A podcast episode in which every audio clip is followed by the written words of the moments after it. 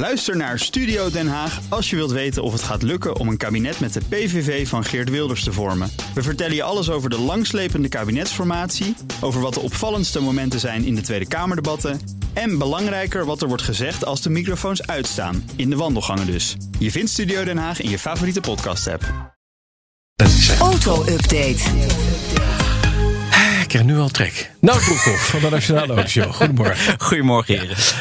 Minstens twee derde van de wereldwijde autoverkoop gaat in 2040 elektrisch zijn. En welke goeroe zegt dat? Dat voorspelt het uh, toch wel vooraanstaande onderzoeksbureau van Bloomberg. Uh, vorig jaar werden wereldwijd 3 miljoen elektrische auto's verkocht. En in 2040 zijn dat er 66 miljoen. Daar komt Bloomberg nu op uit. De grootste groei zit in China. Naar ongeveer 20 miljoen elektrische auto's in 2040. Daar gevolgd op is eh, Europa en Amerika. En die opmars heeft vooral te maken met de daling van de prijzen van de elektrische auto's. Dat gaat eigenlijk pas de komende jaren echt gebeuren, ja. zeggen zij. Uh, de verbetering van de infrastructuur, daar moet heel veel in geïnvesteerd worden. Is nu ook een hele grote discussie in ja, Amerika. En het verduurzamen van de, aan, van de aanbod van de elektra misschien ook wel. Hè? Dat speelt denk ik ook nog een rol. Nou. En de actieradius, hè, die moet omhoog. Ja. Um, Bloomberg heeft uitgerekend dat de gemiddelde actieradius van een elektrische auto vorig jaar 359 kilometer was. En dat gaat uh, naar 400, 420 stijgen, zeggen ja. zij. Ah, dat is meer dan genoeg voor een dagje rijden. Ja. Niet echt genoeg om mee nee, op vakantie te gaan. Maar toch, je kan een eentje. Je kan een eentje. Nee, daar ja. zullen we altijd voor moeten blijven vliegen. Dat is heel sustainable. Renault gaat een nieuwe samenwerking aan in China. Opvallende samenwerking. Uh, Renault begint namelijk een joint venture, zoals dat heet, met Geely, de Ja. eigenaar van uh, Volvo, Polestar en Link Co. Ja. Het gaat om de productie van de verkoop van plug-in hybrids uh, op de Aziatische markt. In eerste instantie China en mogelijk ook in Zuid-Korea. Dus ze gaan daar ook uh, Hyundai uh, wakker schudden en Kia.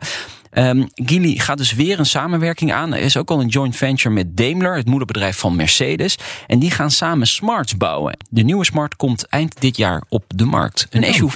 Een SUV smart. Ja, ja, Maar wel heel klein. ja. Ja, oké.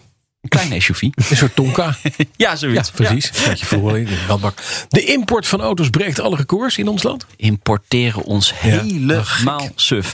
Tot dusver werden dit jaar bijna 172.000 auto's naar Nederland gehaald, meldt de BOVAG. 66% meer dan dezelfde periode vorig jaar. Zit natuurlijk ook een klein beetje corona-effect in. Hè? Ja. Grenzen waren dicht op een gegeven moment. Maar goed, de reden, vraag naar de tweedehands auto is gigantisch. Het aanbod, dat valt een klein beetje tegen. Dus wat gaan we dan doen, Bas? Dan halen we de auto's uit het buitenland. Ja, precies. Ben jij ook nog aan het shoppen? Nee, ja, de laatste shop die wij gedaan hebben is met uh, Petrolhead. We hebben een Saab 9000 CC Turbo gekocht. Maar dat is in eigen land, hè? Dat was in eigen Ja. land. En dat, was, dat bewijst maar weer dat je voor net boven de 2000 euro een fantastische auto koopt. Waar je jaren in kan rijden. Hij rijdt goed, hè? Rijdt top. Nieuwe bandjes erop, zag ik. Nieuwe bandjes erop. Ja hoor. En er gaat nog veel meer gebeuren. Ja, nou, van alles nog wat. Dan, de topman van Volkswagen, Herbert Dies. Die zegt, automatisering in de auto-industrie kost geen banen. Dat vind ik apart, want... Uh, je zou kunnen zeggen, ik ga banen wegautomatiseren. Ja. Anderzijds, je kan ook zeggen dat het chiptekort op dit moment uh, Groot is. Ja. nogal groot is. En Ja. dat is ook automatisering. Dat kost wel banen volgens mij. ik Maar denk dat net is- even, even iets anders. ja, hij zegt ik veel banen die blijven behouden, omdat wij nou eenmaal aan massaproductie doen. Dus Hmm. op sommige plekken krimp je, op andere plekken komen er weer. juist weer banen bij, zegt Dies. Dus eh, denk bijvoorbeeld aan software, hè, waar heel veel in geïnvesteerd moet worden de komende tijd. Dus eigenlijk, eh, ze zoeken nu ICT'ers. Maar ze kunnen ook die mensen binnen Volkswagen eh, omscholen tot ICT'er natuurlijk. Dus ja, het geldt eigenlijk niet alleen voor autofabrikanten, maar ook voor toeleveranciers. Hij zegt, een stoel blijft gewoon een stoel en die moet gewoon gemaakt worden, ook Ja. in de toekomst. Ook de impact van de verdere elektrificering, die moeten we zeker niet overschatten, vindt Dies. En dan citeer ik, de aandrijflijn is niet waar we momenteel de meeste mensen hebben werken. Het is het in elkaar zetten van een motor kost een uur op een totale productietijd van 20 à 30 uur. Hij is wel heel realistisch, Ja, eh, die Dies. Ik vind hem sowieso wel eh, goed bezig. Hij is ook heel, veel, eh, heel erg actief op eh, LinkedIn, is ook zelf kritisch op Volkswagen. Dus eh, ja, goede topman. Oké, mooi. Ja. En dan staat er nog voor de liefhebbers, eh, als je het echt wil, een Nederlandse Rijkspolitie Porsche te kopen in Duitsland. Een Targa. Ja. En dan een 964. Ja. En dan kost die 125.911 euro. Ja, belachelijk. Nou ja, ik, weet je, het, eh, even met alle respect voor Ja. onze grote vrienden van de Rijkspolitie. Ja. Die reden nou niet echt heel erg lief met die auto. Nee. Die auto's zijn namelijk echt allemaal totaal afgeracht. Ja. Er staat ook een cabrio bij een Porsche Centrum in Gelderland. Die kost iets minder, 124.900. Hoef je niet eens te importeren. Heb je bovendien een cabrio. Eh, krijg je ook een helm bij. Ja. En het is wit met rood. En er staat op eh 0611 als elk leven telt, geloof ik. Hè? Ja, dat klopt. Alleen Hoi. het, het bijzondere aan deze auto is dat hij eh, weinig kilometers op de teller heeft. Jij zegt ze. Zeggen ze. Ja, zeggen ze. Ja, dat, dat is inderdaad het ding. Hij Geloof heeft 132.000 kilometer op de teller. Waarvan 130.000 kilometer achteruit vaak over de, over de vluchtstrook. Hij gaat heel snel achteruit. Ja, die auto. Dat is echt fantastisch. En ja, daar wordt toch wel aan getwijfeld. Is dat wel echt 132.000 kilometer? Kan je ding, één ding vertellen? Nou, die dingen die gingen er niet uit bij 132.000 kilometer. Die waren echt tot de draad versleten. Daar gingen ze de markt in.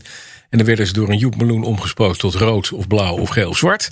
En dan gingen ze voor een beetje geld gingen ze de markt in. En nu kan je ze weer kopen, want mensen gaan terug redeneren en zeggen: kijk eens, oh, hij had een rijkspolitieverleden. En dan is ineens veel geld waard. Ja, dus eh, iemand probeert hier heel veel geld mee te verdienen, terwijl dat niet de bedoeling is. Ja, als je het leuk vindt om een, om een plantenbak in, eh, in politiekleuren te hebben staan, moet je dat vooral doen. Maar- Als je het leuk vindt om opgelicht te worden, dat Nou ja, wil jij. maar dit is inderdaad 102. Kijk, dat zo'n ding in Gelderland, dat is eerlijk. Daar weet je Ja. precies van hoe en wat. Maar in Duitsland bij zo'n, eh, zo'n eh, ook al is dat een keurige meneer die handelt in die dingen, 132 kilometer, daar moet je bij gaan afvragen of daar niet iemand met een enorme boormachine terug is eh, gaan schroeven. Lieve luisteraars, Bas van Werven zegt. De interesse niet doen. komt niet uit Nederland, kunnen we alles vertellen. Helaas, u mag me houden. Dank u wel. De auto-update wordt mede mogelijk gemaakt door Leaseplan.